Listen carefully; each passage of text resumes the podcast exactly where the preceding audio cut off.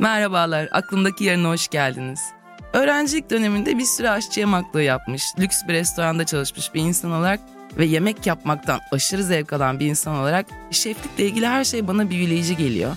Bir de düşünüyorum da yani ne şef belgeselleri izledik, ne masterlar, five starlar, gelinler mi yarışmadı, kaynanalar mı? Kaç sunucu değiştirdik ama biz bu şeflere ne yaptık, gönül verdik. Çok beğendiğim bir şefle beraber yapacağım için programı karmaşık duygular içerisindeyim aslında. Yanımda Şef Ferhat Bora var ve bugün yaşamla beslenmenin sırlarını konuşacağız. Kendisiyle Yemek Sepeti'nin desteğiyle hazırlanan sürdürülebilirlik rehberimiz, aklımdaki yana tekrar hoş geldiniz. Ferhat sen de hoş geldin. Nasılsın? Hoş buldum. Teşekkürler Deniz. Sen nasılsın? İyiyim. Uzunca bir giriş yaptım fark ettiysen. Ee, ben... Sıkıldın mı benim girişimden? Yok sıkılmadım. Sadece gelinler ve kaynanalar kısmında kafam orada birazcık kaldı böyle. Dedim ki biz orada mıydık ya falan oldu. Kaynanalar da yemek yaptı şimdi. Yaptılar yani tabii mı? ki elinize su dökemezler ama kaynanaların da bir noktada yemek yaptığını, yemekte falanlar Doğru. yapıldı. Doğru bunlar var. Herkes yemek yaptı. Bunlar izlendi Ama doğru senin gibi yapmadı Ferhat bunu biliyoruz. Çok teşekkürler. Ee, ben aslında ilk girişte çok klasik gelecek ama yemekle ilgili merakın nasıl başladım ve hani nasıl bu uluslararası mutfakları, dünya mutfaklarını, yerel kültürleri tanıma macerasına, bir lezzet yolcuna dönüştü. Bunu sormak istiyorum sana. Mutfağa giriş hikayesi 5 yaşında bir kazanda yıkanmayla başladı diye böyle masal gibi başlasam ya. Aslında biraz öyle. Benim babaannem aşçı, dedem fırıncı.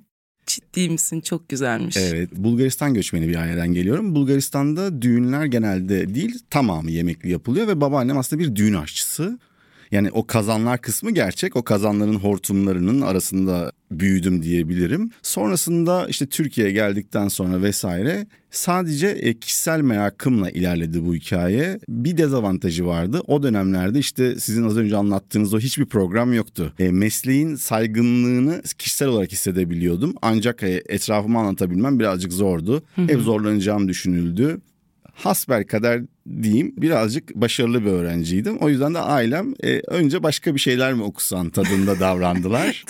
Aşçılık olmayan bir şey. Bir mühendislik evet. düşünmez misin dendi. Ben de Hepimize dendi ama. Doğru doğru. Ben de değiştirilebilir bir bölüm seçtim. İşletme okudum. Ama işletmeyi okuduktan sonra tabii durmadım. Finansal piyasalar yatırım yönetiminde de master'ım var bu arada. Vay. Ama onu bitirdim. Mesleğe başladım. Dedim ki ben plaza adamı değilim. Yani o, orada yaşayamıyorum. Üniversiteyken üniversiteyi bırakayım işte gideyim dünyada birazcık bir şeyler yapayım, öğreneyim bu aşçılığı falan. Onlar birazcık şey geldi o dönem. Hani nasıl diyeyim? Ütopik geldi. Aslında günümüzde daha da ütopik. Parasal olarak ütopik evet, ama e, ulaşılabilir anlamda daha rahat. E, yaşım ortaya çıkmasın ama benim dönemde internet yeni vardı öyle söyleyeyim yani.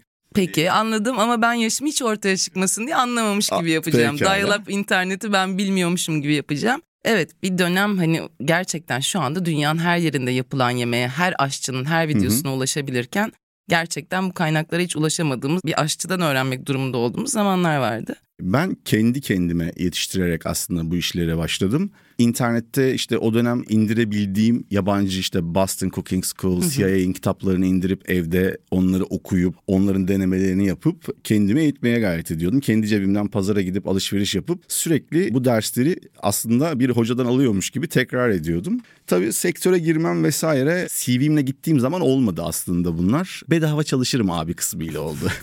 böyle. İşin gerçeği böyle. Ama aslında yani mutfak gibi yerlere girdiğinizde işi mutfağından evet. girmek denilen denilen bir şey var ya tam olarak ona tekabül ediyor. Yani orada çalıştığınız bir şey var. Aynen. Ben bedavaya yani, çalışma, öğrenme süresi oluyor. Menemene biber doğrama, domates soyma, maydanoz ayıklamayla başladım bu işe. Çok bulaşık yıkadım. E, hayatımda herhalde kariyerimin belli bir kısmı bulaşık yıkamakla geçmiş olabilir ama çok şey öğrendim tabii ki inanılmaz bir deneyim. Yani işin çıraklığını görmeden ustalığına geçmek çok zor. Oradaki o tempoyu görmek, gerçekliği hissetmek. Sonrasında da aslında çok fazla da Avrupa'yı, özellikle Avrupa'yı gezme şansım oldu.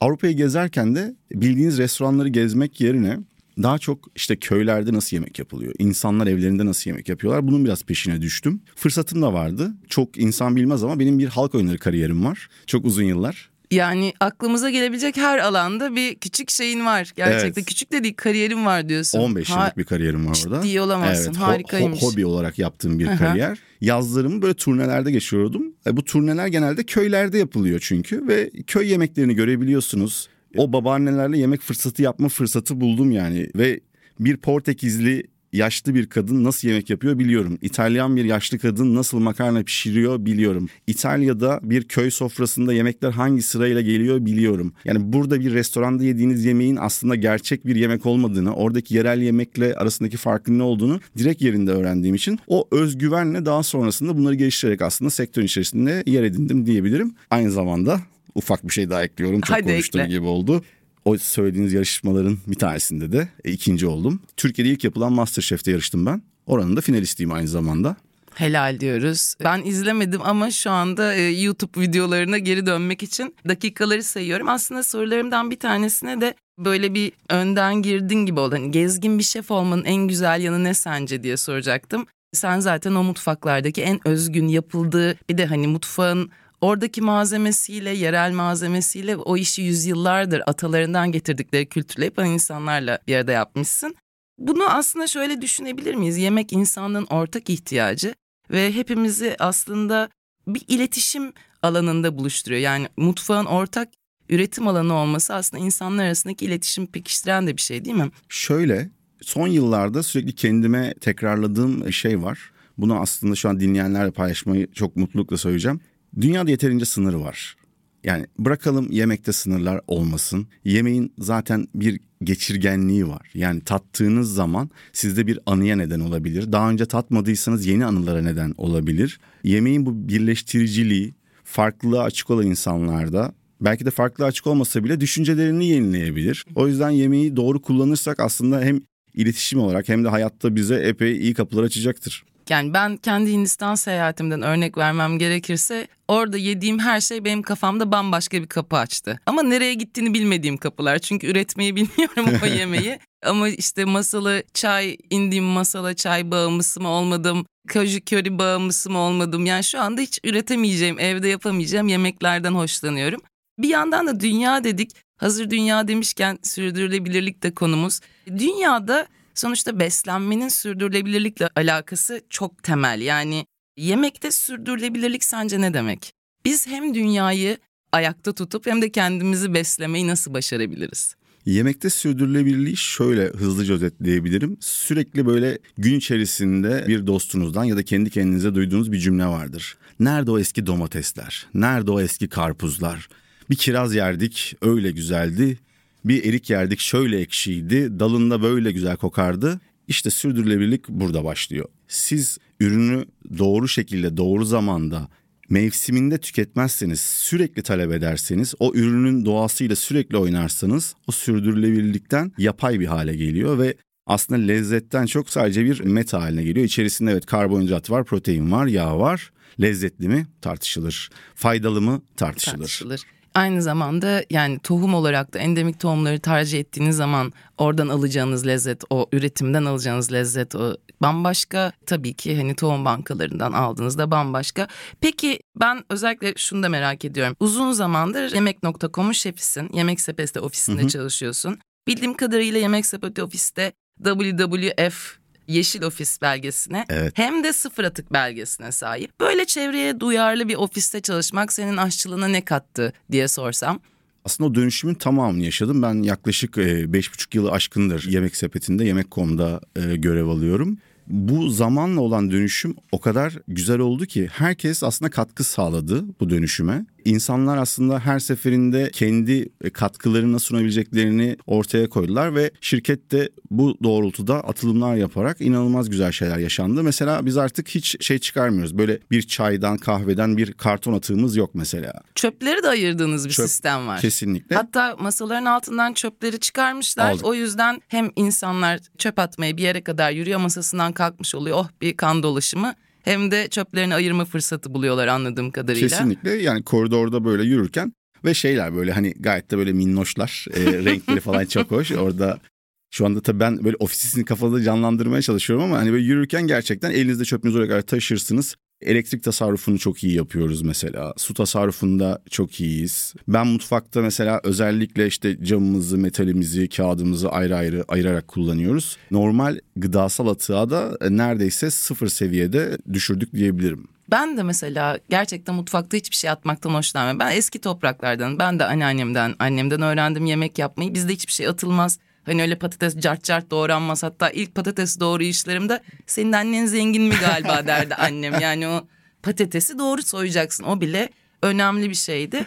Ben de kendim aslında bu sıfır atık belgesini kendimce almaya çalışıyorum. Bir yandan da şunu biliyorum insanlar için hani dolaptaki mevcut malzemelerle belki onlar kalmış şeyler olabilir o yemekten bir şey kalmıştır. Yeni bir şey yapmak büyücülük gibi bir şey. ben bunu çok severim kafamda tarif uydurmayı severim. Ama tabii hani söyledim zaten benim merakım var. Peki hani dolabında bir takım malzemeler olan ve bunlarla yaratıcı bir çözüm üretmek isteyen insanlara sıfır atık için, sürdürülebilirlik için ne öneride bulunmak istersin Ferhat Beyciğim? Ah estağfurullah. Deniz Hanımcığım şey yapalım o zaman. Ben bu konuda çok iyiyim. Öncelikle bunu özgüvenle hemen e, şey yapabilirim, söyleyebilirim. Seyircilerimiz eğer şu an dinliyorlarsa zaten hani beni en çok e, takip ettikleri ya da sevdikleri konu bu. Dolabı açıp kalan malzemeyi nasıl kullanabiliriz üzerine onlarca video, onlarca içerik ürettik e, ki Yemek.com'da da bunları bulabilirler. Şöyle bir ürüne kabuğu, içi, işte çöpü diye bakmamak gerekiyor. Genel olarak o ürünü aldığınız zaman bu nasıl değerlendirilebilir üzerine yürümek gerekiyor.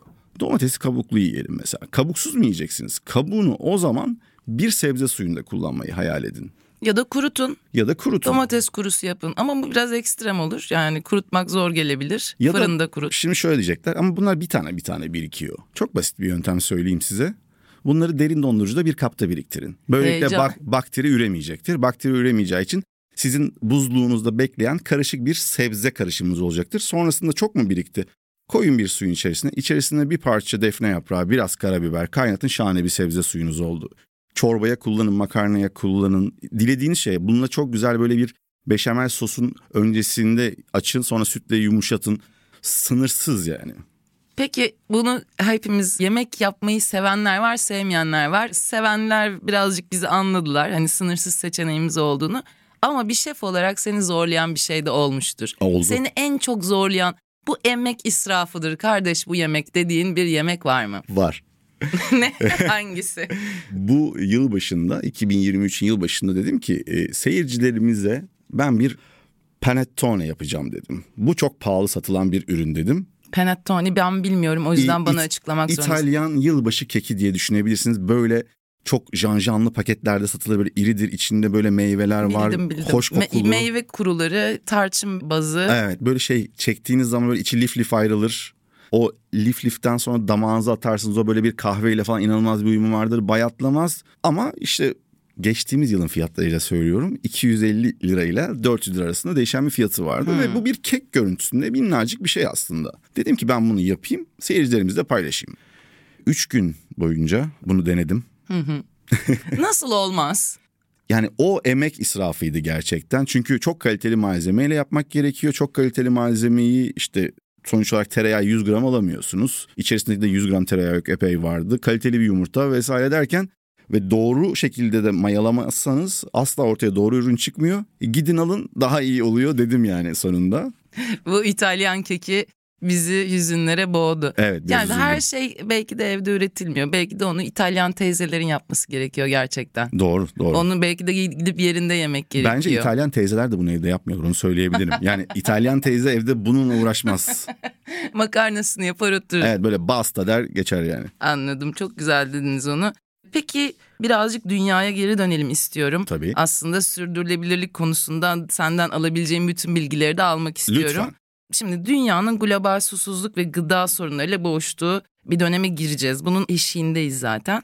Beslenme alışkanlıklarımızı nasıl düzeltebiliriz? Su kullanma alışkanlıklarımızı nasıl düzeltebiliriz? Yani beslenme alışkanlığımızı ne yönde mesela veganlık konuştuk daha önceki programlarda da veganlık bu su tüketimi konusunda bir çözüm müdür? Hepimiz ona tutunabilir miyiz? Ne kadar tutunabiliriz? Bir şef olarak bunu değerlendirmeni rica edeceğim.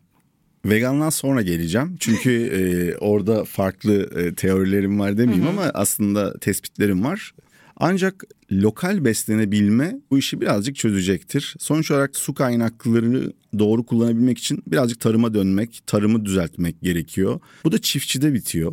Çiftçi çok doğal olarak yani ben şimdi burada birazcık da finansçı ağzıyla konuşmak istiyorum. Bu bir arz talep dengesi. Siz 12 ay boyunca sürekli zorla üretilen bir ürün talep ederseniz o çiftçi de para kazanmak için bunu Onu üretmeye yapar. çalışacak. Tabii. Bu da ne demek oluyor? Önce kendimize bakacağız. Bu ürünleri talep etmemeyi öğreneceğiz. Mevsiminde ürünleri talep edeceğiz. Bunu çocuklarımıza da öğreteceğiz. Onların daha çok vakti var diye düşünmeyeceğiz. O vakitler çok hızlı gelip geçecek. Biz bir şey yapamayız diye düşünmeyeceğiz. O vakitler geldi geçiyor. Hı hı. Şimdiden başlayacağız. Yani kışın domates aramayacağız. Bugün de ne kadar çok domates dedim değil mi? Evet ama yani son yaz domateslerinin bitmeye başladığı ve benim asla o annemlerin yaptığı o domates evet. pürelerini yapamadığım o dönemde bu üzücü haberi almak iyi olmadı. Sevindirici bir haber vereyim. Bu yıl yaptığımız kavanozlama içerikleri diyeyim buna. İşte lütenisa yaptık, e, ayvar yaptık, domates yaptık, hı hı. E, turşu yaptık. Çok fazla ilgi görüyor. Demek ki artık insanlar birazcık bilinçlenmeye başladılar. Ürünleri zamanında turşulayabiliyoruz ya da önceden pişirip kavanozlayabiliyoruz. Hı hı. Doğru saklama koşullarında yine soğuk mevsimlerde yaz meyvelerini, sebzelerini tüketebiliyoruz. Kışın çünkü muhteşem şeyler var aslında. Şimdi lahana gelecek, karnabahar gelecek, brokoli gelecek. Bunlardan keyif almayı öğreneceğiz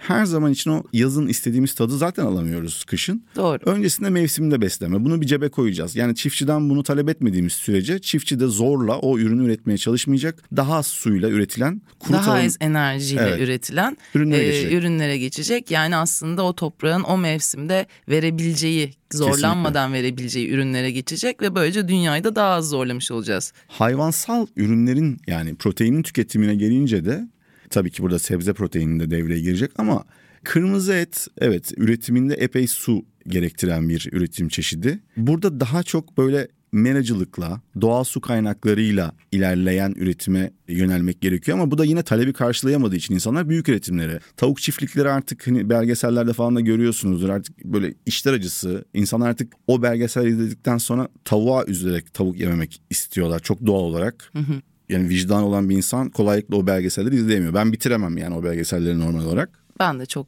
İşimi yapmak da benim için çok zor hale geliyor hı hı. doğal olarak. Balıkları mevsiminde tüketmek, özellikle balığı doğru avlarsanız yani balığın üremesine izin verirseniz, doğanın size verdikleriyle yetinirseniz. Bir de vaktiyle yerseniz o evet. balıkçağızı çocukken değil de. Evet, kesinlikle yani. yani artık sarı kanat diye bir şey yoktu en son ama hala var. Yani yenmemesi gerekiyordu. Yenmesi, daha Lev... şey var küçük çinekop var ha, mesela. Çinekop var. Çinekop yenmemesi gerekirken ben var. Geç çıkacak yine. Restoranda mesela biri gelip çinekop ister misin dediğinde sadece sert bir bakış atıyorum ve çinekop mu satıyorsunuz diyorum. Abi istiyorlar diyor mesela bu sefer de. Ama çok taze gelmişti bana mesela. Yani bunu da yaptığımda ama çok da e tabi. E tabi yani. Bebek çünkü kendisi tazedir. Ay şey demeye getiriyorum. Siz talep etmeyin. Talep etmezseniz hiç kimse zaten onu tutup da zorla ağzınıza sokacak değil. Veganlık kısmına gelirsek. Veganlık kısmında eğer ki mevsimselliğin dışında ben sadece işte sizin dediğiniz gibi kaju körü seviyorum. Hindistan'dan gelecek e, kaju. Ya da işte yerli avokado değil de benim avokadom Güney Amerika'dan gelsin diyorsanız. Benim muzum Güney Amerika muzu olsun, yerli muz olmasın demeye başlıyorsanız bu sefer daha da büyük bir kirlilikten bahsediyoruz. Bunlar karbon ayak izi yapıyorsun. İnanılmaz. Yani denizden de gelse inanılmaz, havadan da gelse inanılmaz her gün avokado yemesek e, yine İyi olur. yine sağlıklı beslenebiliriz. Tabii ki. Dünyanın sürdürülebilirliği açısından aslında bizim beslenme alışkanlıklarımıza daha dürüstçe bakmamız, hani neyi ne zaman ne nerede tüketebileceğimizi çok da şımarık olmadan ben istediğim her şeyi istediğim her an alacağım demeden tüketmeye dikkat etmemiz gerekiyor. Şımarıklık burada en sevdiğim kelime oldu. Çok şımarıkça davranıyoruz. Kesinlikle. Kimseye aslında kendi bencilliğimizle e, burada başkalarına saygı duymadığımızı fark etmiyoruz. Ben bugün bunu yiyeceğim. Yarın da aynısını yiyeceğim. 12 ay hep o sebzeyi yiyeceğim. Hep o meyveyi yemek istiyorum. Bu şımarıklık gerçekten. Burada düşünmemiz gereken şey belki de hani diğer insanları düşünmüyor olabilirsiniz. Ama iki sene sonra o istediğiniz meyveyi de yiyemeyeceksiniz. Peki şöyle bir şey var mı? İklim değişikliği ürün zenginliğimizi ne kadar etkiledi şimdiye kadar? Yani bir ürünleri elde edebilmemizi zorlaştırdı mı sizce? Ülkemizde iklim krizi yüzünden veya bu yanlış taleplerle gelen arzlar yüzünden neye ulaşılamıyor? Şu anda ülkemizde birçok çiftçi sadece az önce anlattığım gibi talep edilen ürünü üretmek için o yörenin doğal ürünlerini üretmeyi bırakıp talep edilen ürüne dönüyor. Yani fındıkları söküp kivi üretiyorlar gibi birçok örnek verebiliriz. Zeytin çok azaldı geçmişe göre çok daha... Zeytinyağı fiyatlarından bunu anlamak çok evet. mümkün zaten. Yani artık zeytinyağı bir yatırım. Benim için bir yatırım. Ben... Çünkü zeytinlikleri imara açmak ya da işte zeytinliklerin kenarında yanında oraya bir yaşam alanı kurmak O zeytinin kalitesini tamamen hem kalitesini düşürüyor hem de Hasadını hasadını düşürüyor. düşürüyor. Her şeyini düşürüyor. Ülkemizde en çok üzüldüğüm konu aslında zeytin benim. Zeytin çok büyük bir zenginlik. Yani ekonomik olarak da çok büyük bir zenginlik. Böyle kültürel dört, olarak da çok büyük bir zenginlik. dört kolla sarılıp ekstra böyle kendimize bir ekonomik alan yaratabilecekken ondan faydalanmıyoruz. Ona bir ağaç gözüyle sadece böyle düz duran bir ağaçmış gibi bakıyoruz. Oysa ki tarıma, doğaya vermiş olduğu katkı, etrafında yaratmış olduğu o besin zinciri inanılmazdır zeytinin. Aslında Anadolu hani dört mevsim yaşaması ile beraber toprakların da çok zengin olmasıyla beraber Anadolu halkını zaten en ilk yaşam başlayan yerlerden bir tanesi. Göbekli Tepe'yi oraya yapmalarının sebeplerinden bir tanesi. Aslında Anadolu'nun verimli toprakları orada zaten tarıma başlıyorlar ve gerçekten kaynakları senin de dediğin gibi zeytiniyle, e, Siyaz buğdayı var. Siyez buğdayıyla, Karadeniz'deki fındığıyla yani orada çıkabilen gerçek ürünleri koruyabilsek aslında kendi kendimize yetebilecek Anadolu'nun kaynaklarıyla bir toplumuz. Ama bunları şu anda çok büyük kısmında dışarıdan almak zorunda kalıyoruz Maalesef, bildiğim kadarıyla. Maalesef çok üzücü. Düzeltilemez mi? Tabii ki düzeltilebilir. Birazcık bilinçlenmek gerekiyor. Bir şeyler teşvik edilecekse eğer birileri tarafından doğru ürüne teşvik vermek gerekiyor. Yanlış ürünlerden vazgeçirmek gerekiyor. Belki de biz öne olacağız. Birazcık görünürlüğümüzle, ekran önünde yaptığımız olan tercihlerle ben mesela bir içerik üreteceksem mevsiminde olmayan bir ürünü kullanmaktan mutlaka imtina ederim. Yani ürün mevsiminde değilse ben kullanmam. Ya da onun konservesini kullanmayı tercih ederim. Ve konservesini kullandığımda gönül, gönül rahatlığıyla söylerim. Şu anda mevsimi değil çünkü. Bu kadar basit aslında. Şu anda şey gibi olacak böyle sesleniyorum gibi. Şimdi buradan Buradan sesleniyorum. şefimiz sesleniyor. Eğer ki ekran önünde yemek yapıyorsanız ya da bir şeyler tüketiyorsanız lütfen mevsiminde vurgusuyla ilerleyin. Yerel ya da lokal olmasına özen gösterin. Biz şu an İstanbul'da olduğumuz için evet İstanbul'u beslemek çok zor. Doğru. İstanbul'u beslemek için bütün Türkiye çalışıyor diye düşünebilirsin. Yani çünkü çok fazla bir nüfusa sahibiz. Hallerden oluk oluk ürün akıyor. Restoranlar, evler gibi düşünebilirsin. Milyonlarca insan sürekli bu ürünleri tüketiyor. Ancak birazcık İstanbul'un dışına çıktığımız zaman daha yerel e, noktalarda gerçekten sürekli e, çok güzel ürünler tüketiliyor. Ben Türkiye'yi gezme şansı da buluyorum. O tarz çekimler de yapıyorum. Her gittiğim yerden en çok şaşırdığım şey şu oluyor. Rokanın kokusu var. Maydanozun tadı var. Evet. Biz ne yiyoruz bilmiyorum. Damağımda biz rokanın tadını İstanbullular unutmuşum. maalesef bu çileyi çeken insanlarız. Nereye gitsek Antalya mesela gidiyorsun bambaşka bir şey. Değil mi? Hani bir yandan da dediğin de çok doğru. İstanbul'u doyurmak çok zor. Çok zor. Ee, bir yandan da üretilen her üç şeyin bir tanesi çöpe gidiyor. Bunun da olmaması için aslında evlerimizde de hem de sadece evlerimizde değil ofislerimizde herhangi bir yerde israfın önüne geçmemiz çok önemli. Bildiğim kadarıyla TİDER diye bir uygulama var. Bu vasıtayla aslında hem evde kalan ürünler paylaşılabiliyor hem restoranlar da buna sahipleri de bu yöntemi tercih edebiliyor. Peki en son artık soracağım şey sana nostaljik bir soruyla daha etmek istiyorum. Benim de var böyle yemeklerim. Seninkine çok merak ettim. Evde yapılan, anneannen zaten düğün aşçısıydı. Hı hı. Onun böyle yaptığı ve dillere destan olan nesi vardı? Yemeği asla unutamadığın. Hala e, yiyorum yemeklerini. Babaannem yemek yapar. Babaannemin baklavasını kenara koyuyorum. Bizde Bulgaristan'da bir çeşit pasta yapılırdı. Amonyaklı pasta diye biliniyor burada. Torta diye geçiyor orada pasta demek aslında. Böyle ince hamurlar düşünün birazcık kurabiye gibi. İçerisinde amonyak sodası denilen bir kabartıcı öğe var. Pişerken hafiften amonyak kokar bu arada ama sonrasında uçuyor üzerinden. Tabii. O da hamuru kıtır hale getiriyor. Sonra onun arasında böyle bir muhallebi, aralarda full ceviz çünkü ceviz bol.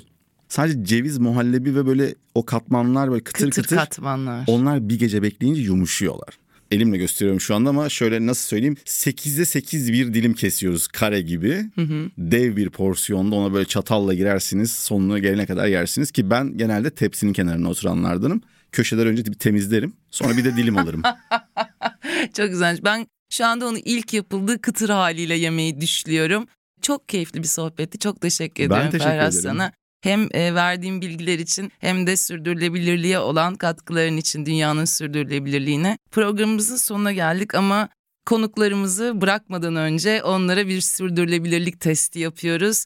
O puanlarını hesaplamadan da göndermiyoruz. Senle aslında bütün sürdürülebilirlik sorularının hani beslenmeyle ilgili olan hepsi mutfakla ilgili olan hepsinin üzerinden geçtik. Hepsinden tikim var ama iki tane daha sorum kaldı. Onları da soracağım. Bakalım tulum çıkartacak mısın?